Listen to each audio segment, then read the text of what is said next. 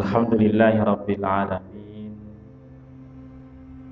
Alhamdulillahi ala hadhi ni'mah alaina bi ni'matil Islam wal iman Salatan wa salaman daimatain mutalazimatain ala habibina wa syafiina wa maulana Muhammadin wa ala alihi wa ashabihi wa dhurriyyatihi ajma'in rabbi shrah li sadri wa yassir li amri wa hlul 'uqdatam min lisani yafqahu qawli subhanaka la ilma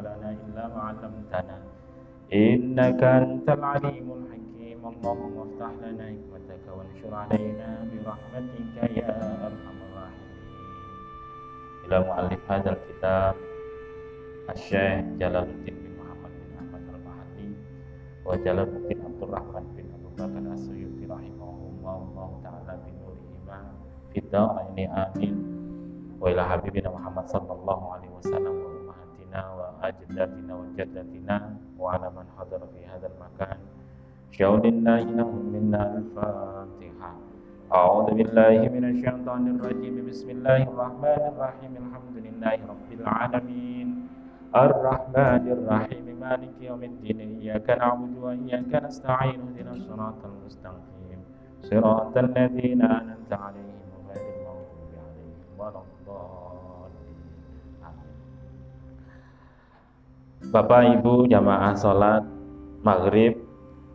dan teman ngobrol tentang Al-Quran. Rahimahumullah mudah-mudahan sehat semuanya. Uangnya anda habis-habis. Amin. Allah. Kayaknya kalau yang mau daftar ngambilnya nyaring ya. Semuanya lagi butuh uang. Berarti Selasa setiap Rabu kita ketemu. Kalau libur ya libur santai saja. Sedapat-dapatnya sampai hayat memisahkan. Nah, itu saja niatannya. Pada pertemuan sebelumnya cerita tentang awal surah Al-Fatihah, auzubillahi minasyaitonirrajim, kemudian bismillah mengenal suratul Fatihah. Meminjam teks-teks dari Imam Jalaluddin As-Suyuti dan Jalaluddin Al-Mahalli yang Bapak Ibu pegang itu adalah terjemah-terjemahnya. Kita hanya mengkaji-kaji ulang, ulang-ulang saja Bismillahirrahmanirrahim.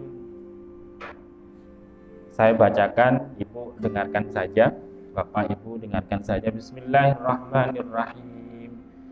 Alhamdulillahi Rabbil Alamina Ar-Rahmanirrahim Maliki Yaumiddin.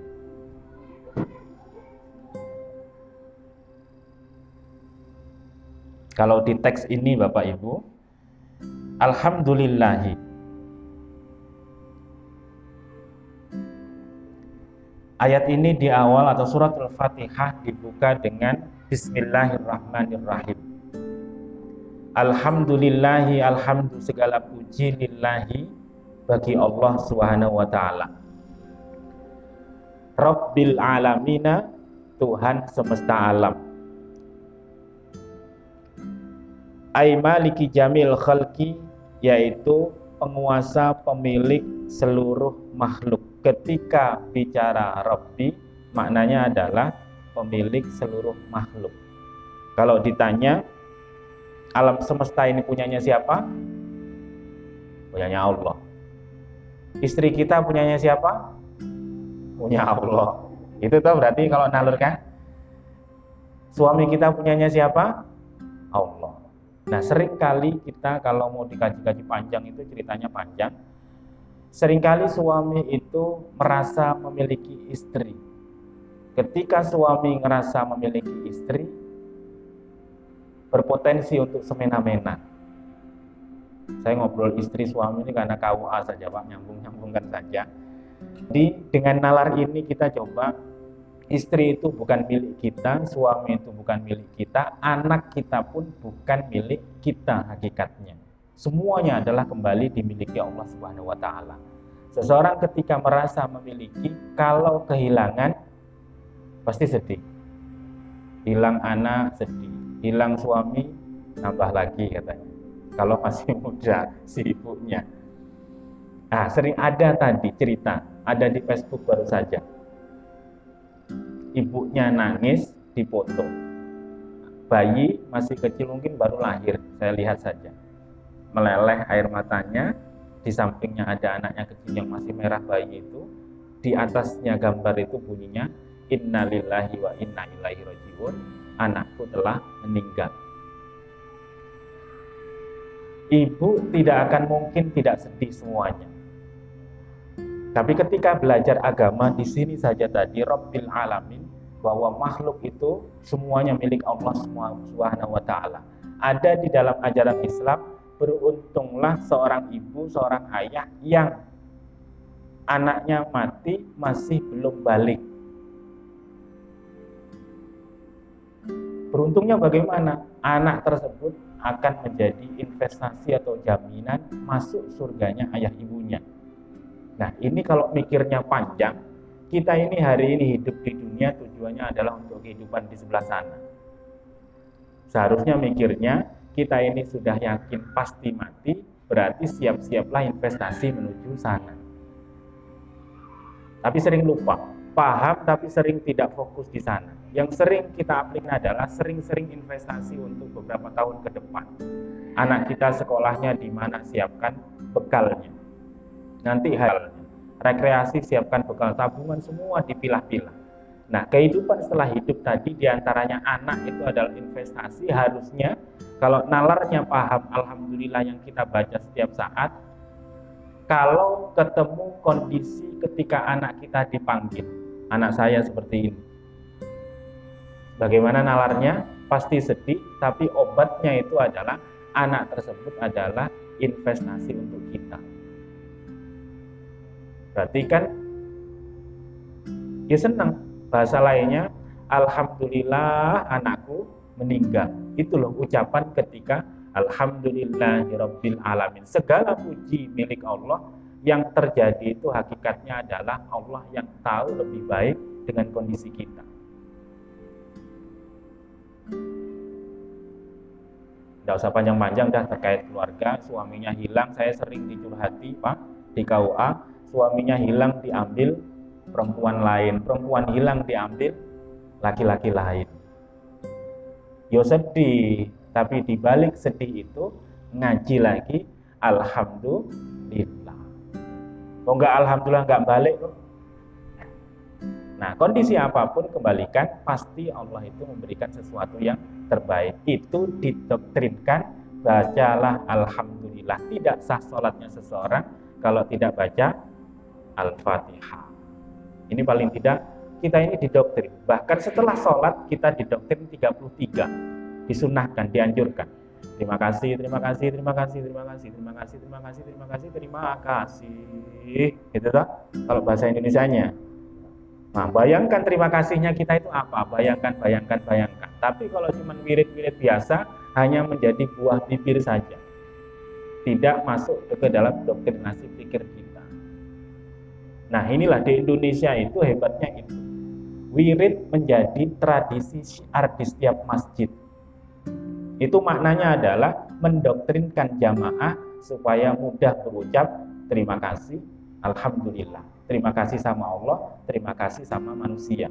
Tidak dianggap pinter berterima kasih kepada Allah kalau tidak pinter terima kasih sama manusia. Nah, kita itu sudah terima kasih sama Allah, pun diajarkan terima kasih sama manusia. Nah, manusia itu terdekat itu adalah istri. Makasih ya Mae sudah menemani saya lama, padahal saya tidak pernah membesarkan ibu, tidak pernah ngasih popok dulu, tidak pernah mengantarkan kencing waktu kecil, tiba-tiba besar gitu saja. Hari ini menemani saya sampai setua ini. Begitupun ibunya, terima kasih Pak ya, ketika bangun, Alhamdulillahilladzi ahyana, terima kasih ya Allah telah menghidupkan kami, ngelihat di sebelah, oh masih bapaknya ada. Coba kok nggak ada? Oh bapaknya orang dan seterusnya. Nah itu adalah coba biasakan mengucapkan alhamdulillah, bayangkan makna di balik alhamdulillah. Rabbil alamina Tuhan semesta alam, pemilik semesta makhluk. Alam itu banyak kalau dikaji detail-detailnya. Ketika bicara Rabbil alamin, ada alam kita ini hidup di alam alam apa? Alam nyata. Ada alam gaib, alam media sosial itu adalah alam gaib sebelah sana. Hari ini ada alam nyata. Ada sesuatu yang difikirkan oleh kita itu adalah alam yang tidak nyata. Sama. Ada di dalam alam sebelum hidup kita hari ini ada namanya alam rahim. Ingat? Enggak. Kenapa kok ada di rahim? Itu adalah alam. Ada juga ada alam ruh alam ruh itu kita ini sebenarnya lahir, ruh itu lahir atau enggak lahir? Kalau mau bayang-bayangkan. Nah, bicara alam, dari tradisi kita itu adalah lahir jasadnya. Ditiupkan ruh kalau dalam bahasa, bahasa Islam. Berarti ada sesuatu ruh ditiupkan. Nah, ruh kita di sebelah sana tadi, ceritanya tahulah sebelum kita ingat mungkin umur berapa tahun. Kita dianggap tamyiz kalau di dalam ajaran Islam ada namanya mukallaf. Mukallaf itu adalah orang yang terbebani syariat. Yaitu usia ketika sang laki-laki biasanya mimpi keluar air mani si perempuan haid usia 12 9 hingga 12 tahun. Itu adalah mukallaf orang yang terbebani syariat ada di bawahnya mukallaf balik atau mirip sama balik. Sudah balik karena ini sudah sampai usia dibebani syariat. Di bawahnya balik itu ada namanya tamyiz, mumayyiz. Anak usia 7 hingga 10 tahun. Kalau punya anak, tugasnya orang tua adalah ajarkan anakmu sholat. Biasakan ngomong sholat, sholat, sholat, sholat, sholat. Ketika sudah sampai 10 tahun, pukullah anakmu kalau anakmu tidak sholat. Itu kan sebuah nalar sebenarnya. Rasul mengajarkan usia 10 itu adalah usia menakut-nakuti anak untuk sholat. Saya tadi kok kejauhan sini mau cerita balik gak ketemu judulnya yang awal tadi. Ini cerita-cerita oh umur, usia, usia tadi. Kita ini dititipkan nalar tadi ruh, kemudian ruhnya ada di kandungan, kita belum mampu berpikir. Berpikirnya adalah ketika usia 7 tahun, 10 tahun, ngerti mana yang panas, mana yang dingin. Kalau anak kecil nggak ngerti, api itu panas apa enggak, ya dipegang. Pasir itu enak apa enggak, ya dimakan. Bahkan bonbon itu entah apa, dimakan, ditelan. Makanya orang tua takut kalau makan bonbon anaknya masih kecil karena nggak ngerti tapi ketika sudah 7-10 tahun nggak usah diajar. Dia akan ngerti mana yang panas, mana yang dingin. Pegang api itu nggak ngerti, nggak mau. Saya teringat Musa, ceritanya Musa itu sebelum dibunuh oleh Fir'aun.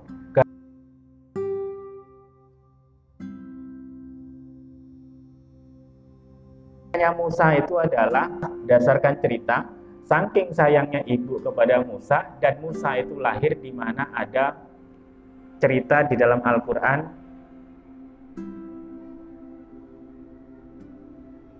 Apa ayatnya? Lupa lagi. Ceritanya adalah menghidupkan biarkan hidup perempuan-perempuan bunuhlah laki-laki. Dalam tradisi Fir'aun di Mesir.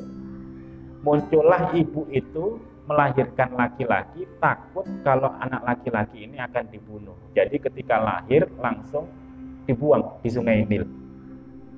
Ketika dibuang di sungai Nil terus ngalir malah jatuh di pelabuhannya kerajaan Fir'aun. Ditemulah istri Fir'aun. Ketika ditemu istri Fir'aun diopeni karena lucu. Bayi itu lucu. Itu berkahnya bayi bayi itu punya rezekinya masing-masing jadi percaya bu ini sunatullah bayi itu walaupun nggak pernah ngomong, bisanya cuma nangis saja. Mamanya tuh dikencingi guyu atau ketawa. Bapaknya dikencingi bukan malah dipukul. Oh ala anakku pinter kok kencing toh, gitu misalkan kan? Itu hebatnya anak. Tidak punya dosa. Tapi kira-kira kalau suami sampean kencing kayak apa? Di pangku-pangku, oh. Kira-kira tambah disayang enggak? Semakin lama, semakin lama anak itu disayang punya rezekinya masing-masing. Bahkan di dalam ilmu kesehatan, seseorang ketika ibu melahirkan, dia sebelum melahirkan air susunya tidak keluar. Ketika sudah keluar lahir, sarafnya mengeluarkan ASI. Ketika sudah lama nggak keluar. Coba, anak sudah ada rizkinya masing-masing. Jadi sebenarnya jangan takut, anak itu pasti ada rizkinya. Pepatah orang Jawa dulu bilang, akeh anak, akeh rizkine. Banyak anak, banyak rizki. Itu adalah keyakinan di sisi lain sebenarnya. Allah itu menjaga rizkinya anak kita sendiri. Yang punya Allah berarti yang ngopeni juga Allah atau yang melihara juga Allah itu sendiri. Alhamdulillahi Rabbil Alamin. Nah cerita Musa tadi ceritanya nyambung sampai terilang lupa. Musa itu terus akhirnya ditemu ngomonglah saking sayangnya si istri Fir'aun tadi ngomong enggaklah ini kan sudah kita besarkan enggak mungkin sosok laki-laki ini kelak akan menghancurkan kerajaanmu karena dalam wangsitnya Musa, wangsitnya Fir'aun kelak kalian engkau itu akan ditundukkan oleh orang laki-laki. Mimpi dapat wangsit seperti itu dan dipraktekkan. Bunuh semua anak-anak laki-laki. Didapatlah anak-anak laki-laki, diomongilah Fir'aun, wahai Fir'aun, nggak mungkin anak ini akan menggulingkan kita, mengalahkan kita karena kita dia hidup di keluarga kita dan kita besarkan, kita doktrin setiap saat. Dan anak ini bodoh, nggak ngerti apa-apa. Buktinya apa? Coba, kalau memang ini nanti dia pinter, kita bunuh. Kalau dia bodoh, nggak usah. Nah, dipilihlah ada satunya api, satunya bonbon. Bayinya berangkang. Mana yang dipilih? Kalau milih bonbon, kita bunuh. Kalau milih api pun kita biarkan ini cerita di dalam tafsir-tafsir. Berangkang ada dua dipilih. Kira-kira milih yang mana? Kalau sampean dikasih sini duit, sini telek, misalnya bahasa lain ya. Tai milih yang mana? Ya milih duit. Wah pinter berarti ini duit. Musa kecil yang dipilih rangka-rangka yang dipilih adalah api lilin diambil dimakan dipegang dimakan apa yang terjadi kebakar lidahnya Musa Nah, gara-gara kebakar tadi, Musa itu terkenal ngomongnya cedal, ngomongnya tidak lancar, ngomongnya tidak fasih. Sehingga beliau berdoa, Ya Allah, berikanlah teman Nabi yang lebih fasih daripada saya. Temannya Musa namanya siapa? Ah, enggak kenal sama nabinya sendiri. Nabi Harun alaihissalam. Nah, Harun itu adalah juru bicaranya Musa.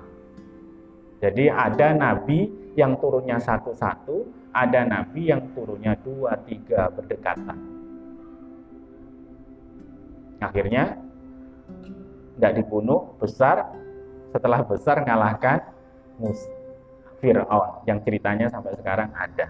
Nah kalau pengen ke Fir'aun sana, nanti saya tak saya ajari ke sana Pak, belikan saya tiket, nanti saya arahkan ke museumnya. Tidak mahal. Paling 20 juta pulang pergi. Satu orang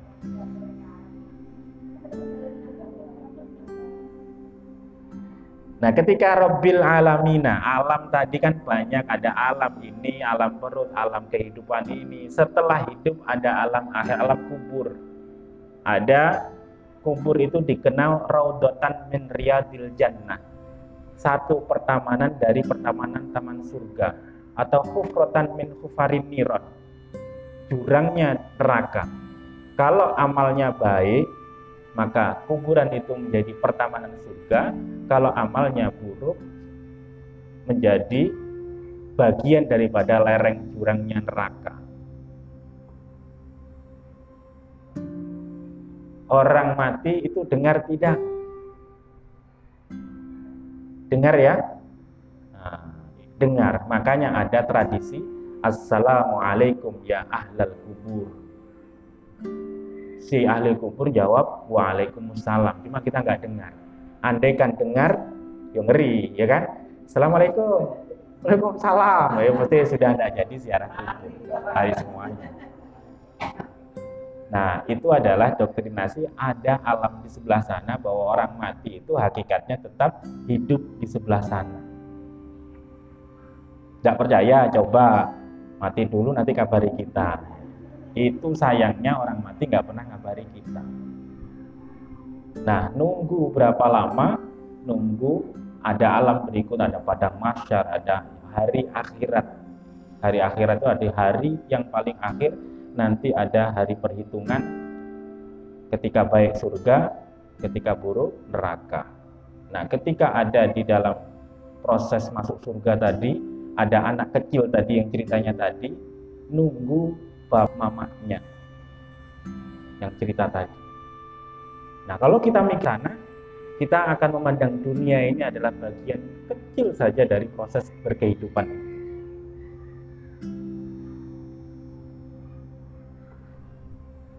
Bon, dari malah cerita mati. Tidak usah cerita mati. Kita hidup mereka, sehat semuanya, oke? Ingat cerita. Karena kita masih dalam proses perjalanan menuju proses yang menuju panjang. Ibarat kita itu jalannya sedepa ini panjangnya, kita ini masih baru berapa sentinya saja. Masih ada kehidupan-kehidupan yang belum kita lalui bersama. ada alam malaikat Tuhannya pun sama ada alam jin Tuhannya pun sama Allah sehingga kemarin ada bacaan a'udzubillahi minasyaitonirrajim ngomong sama bumi ngomong sama hutan wahai bumi Tuhanmu itu sama Tuhanmu itu adalah Allah aku berlindung kepada Allah yang menciptakan kamu wahai corona Tuhanmu, penciptamu itu adalah sama yang menciptakan aku. Aku berlindung kepada pencipta yang maha kuat. Corona hilang. Yang kemarin dari sebuah kesimpulan audzubillah. Sering audzubillah. Sering-sering baca saya tidur bismillah.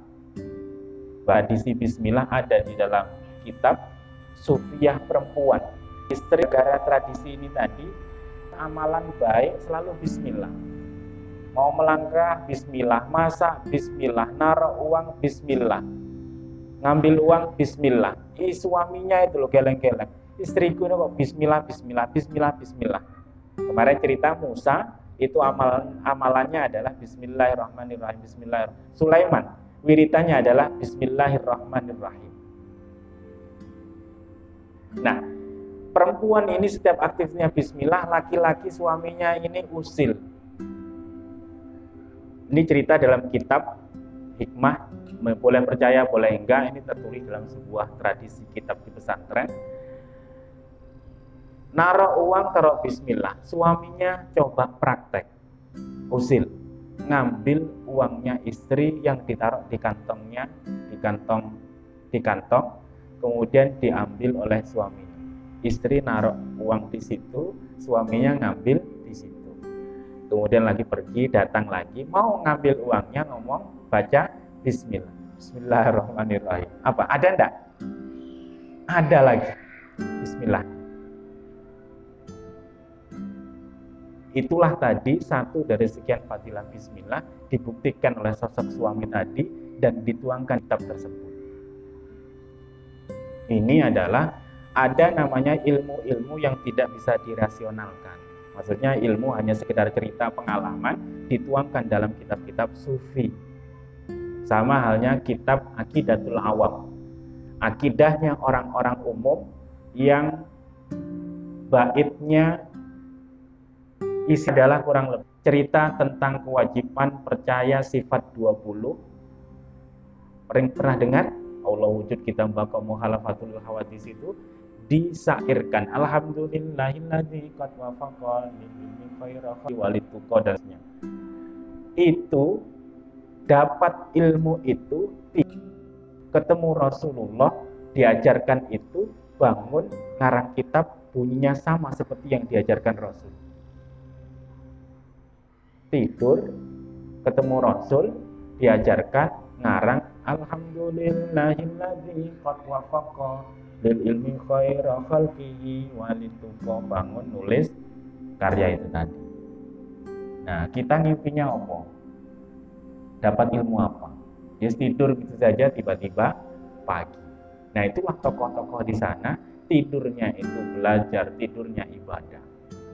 Kalau tidurnya kita mungkin ya syukur tidak mimpi buruk gitu aja ya mimpi dikejar anjing ya capek pegel-pegel semuanya itu adalah alam mimpi pun yang mimpi tadi Allah sehingga lanjutannya ke itu mimpinya orang soleh itu adalah ilmu Begitupun ilmunya orang kafir pun bisa menjadi ilmu juga. Dirasa, kok mimpi ya? Gigiku putus. Nah itu kan sebuah tradisi yang sampai sekarang putus. Oh tandanya kayaknya ini adalah yang menciptakan tradisi-tradisi ini adalah Allah juga. Mungkin benar, mungkin tidak. Yusuf ahli tafsir mimpi yang pada zamannya. Pada Rabbil Alamin bahwa Tuhan itu adalah penguasa semesta alam termasuk alam mimpi. Jadi kalau Allah nakdirkan mampu memberi ilmu di dalam alam mimpi, ya terjadi. Kita mimpi apa, tiba-tiba kita punya isyarat apa, yaitulah Tuhan yang jika. Kalau mungkin mimpi bisa mungkin itu hanya menjadi kembang-kembang saja. Nah, dilanjut Rabbil alamina Ar-Rahmani Alhamdulillah Alhamdulillahi Rabbil Alamin Ar-Rahmanir Rahimi Yang maha pengasih Lagi maha penyayang Diulang lagi Mufasir mengartikan Ar-Rahmanir Rahim ini adalah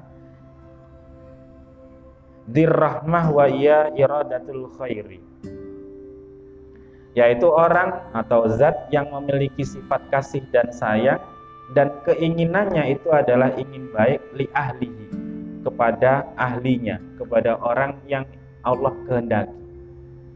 Ketika kita bicara Rahman Rahim, Bismillahirrahmanirrahim, yakin bahwa Allah itu maha kasih, maha sayang. Gak mungkin gak sukses, itu paling tidak nalarnya. Kita itu sudah didoktrin.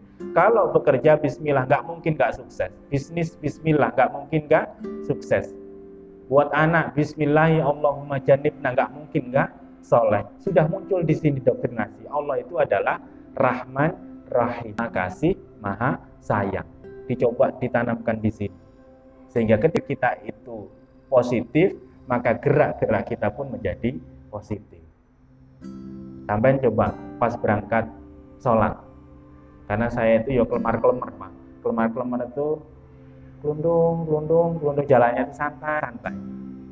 Terus teringat yang sebentar tadi, coba ingat sifat positif. Allah itu masih maha pengampun, maha apa.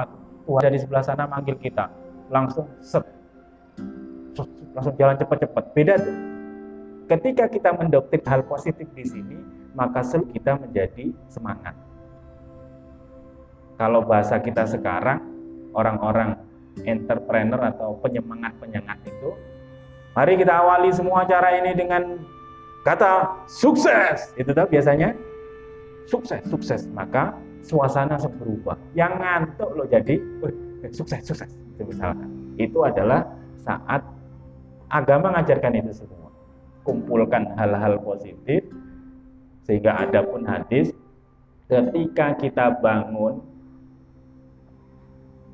kok langsung mikir dunia, maka dia orang yang rugi. Saya lupa teksnya.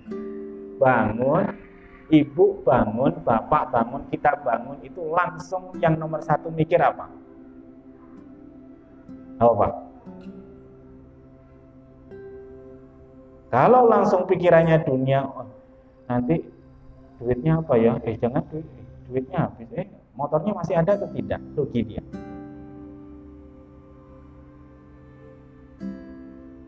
agama mengajarkan kita bangun langsung positifnya yang dipikirkan. Eh, terima kasih, udah bangun, terima kasih hidup lagi. Oh, saya dikasih kesempatan untuk sholat subuh. Kasih kesempatan untuk kenal Tuhan lagi. Ngomong, Alhamdulillah. Muncul itu terus. Sehingga ke depannya pun berjalannya akan mudah. Rahman, Rahim.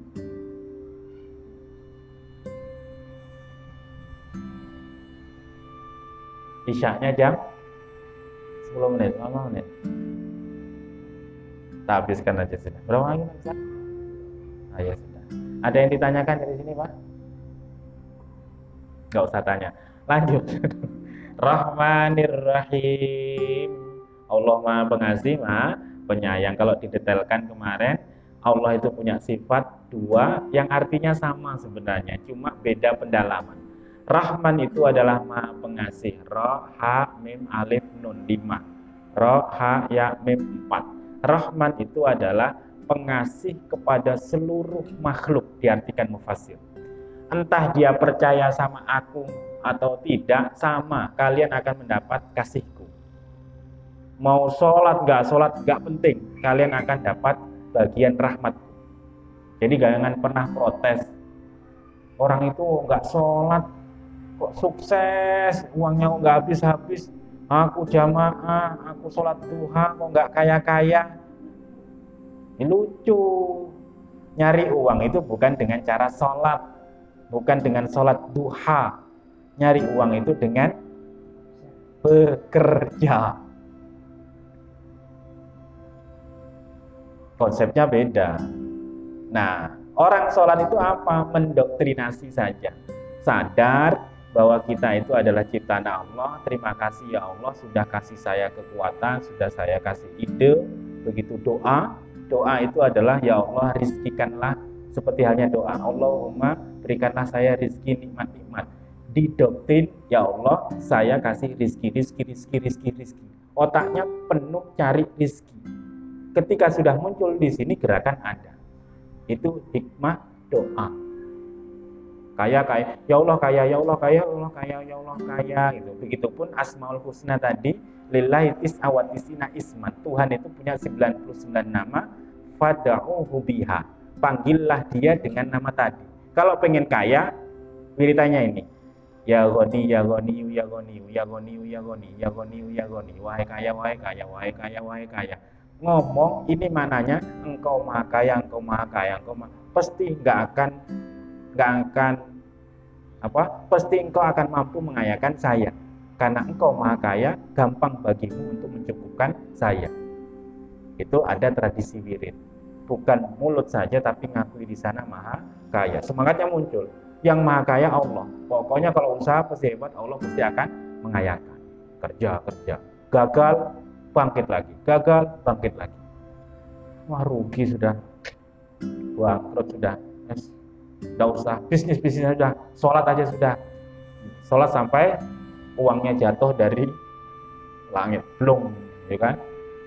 Jangan menghayal film-film seperti. Nah itu adalah Rahman, sifat Rahmannya Allah. Ditambah Rahim, sifatnya Allah itu adalah maha pengasih khusus untuk orang-orang yang meyakini Allah itu adalah pemilik rahmat. Jadi orang yang yakin bahwa Allah itu ada, nanti kita hari ini Pak, Ibu. Ibu percaya Allah itu ada. Masuk surga Ibu. Bapak masuk surga. Saya masuk kok enggak pede masuk surga? Masuk surga? Masuk, yes. Karena rahim Allah itu maha pengasih untuk orang yang percaya kepada dia. Ada hadis lagi satu lagi, nguatkan saja. Man kola la ilaha illallah dakhalal jannah. Kalau orang mati sering diwiriti toh nyebut nyebut bukan nyebut ya La ilaha bisiki la ilaha illallah. Siapa yang di akhir hayatnya ngucap la ilaha illallah masuk surga. Masuk surga ya Allah? Iya. Wa in saraka wa in zana. Walaupun dia mencuri, walaupun dia berzina. Tuh. Surga itu adalah kuncinya adalah la ilaha illallah. Kuncinya swarga la ilaha illallah. Sekali saja pernah kita ngaku ya Allah itu ada, kita akan masuk surga. Sebelum masuk surga kita masuk neraka. Kan itu saja. Entah lama apa enggak, yakin masuk surga. Yang mudah lewat tas seribu ada sur ceritanya neraka itu kalau diceritakan ceritanya neraka itu kalau kita dijatuhkan di jahanam neraka jahanam yang paling bawah itu proses jatuhnya itu ribuan tahun Bayangkan sampai jatuh dari pesawat, wong, rasanya kayak apa? Itu ribuan tahun. Nyut, nyut, nyut. Belum masuk ke neraka.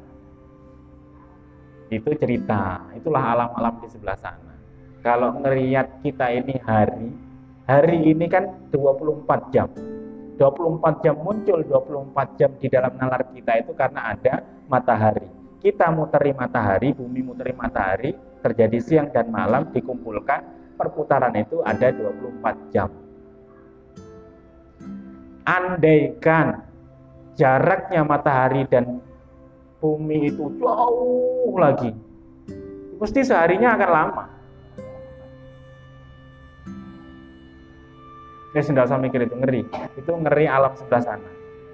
Nah, alam akhirat itu seperti itu. Kalau dibandingkan seharinya di dunia, seharinya di sana, ribuan kali harinya di sini.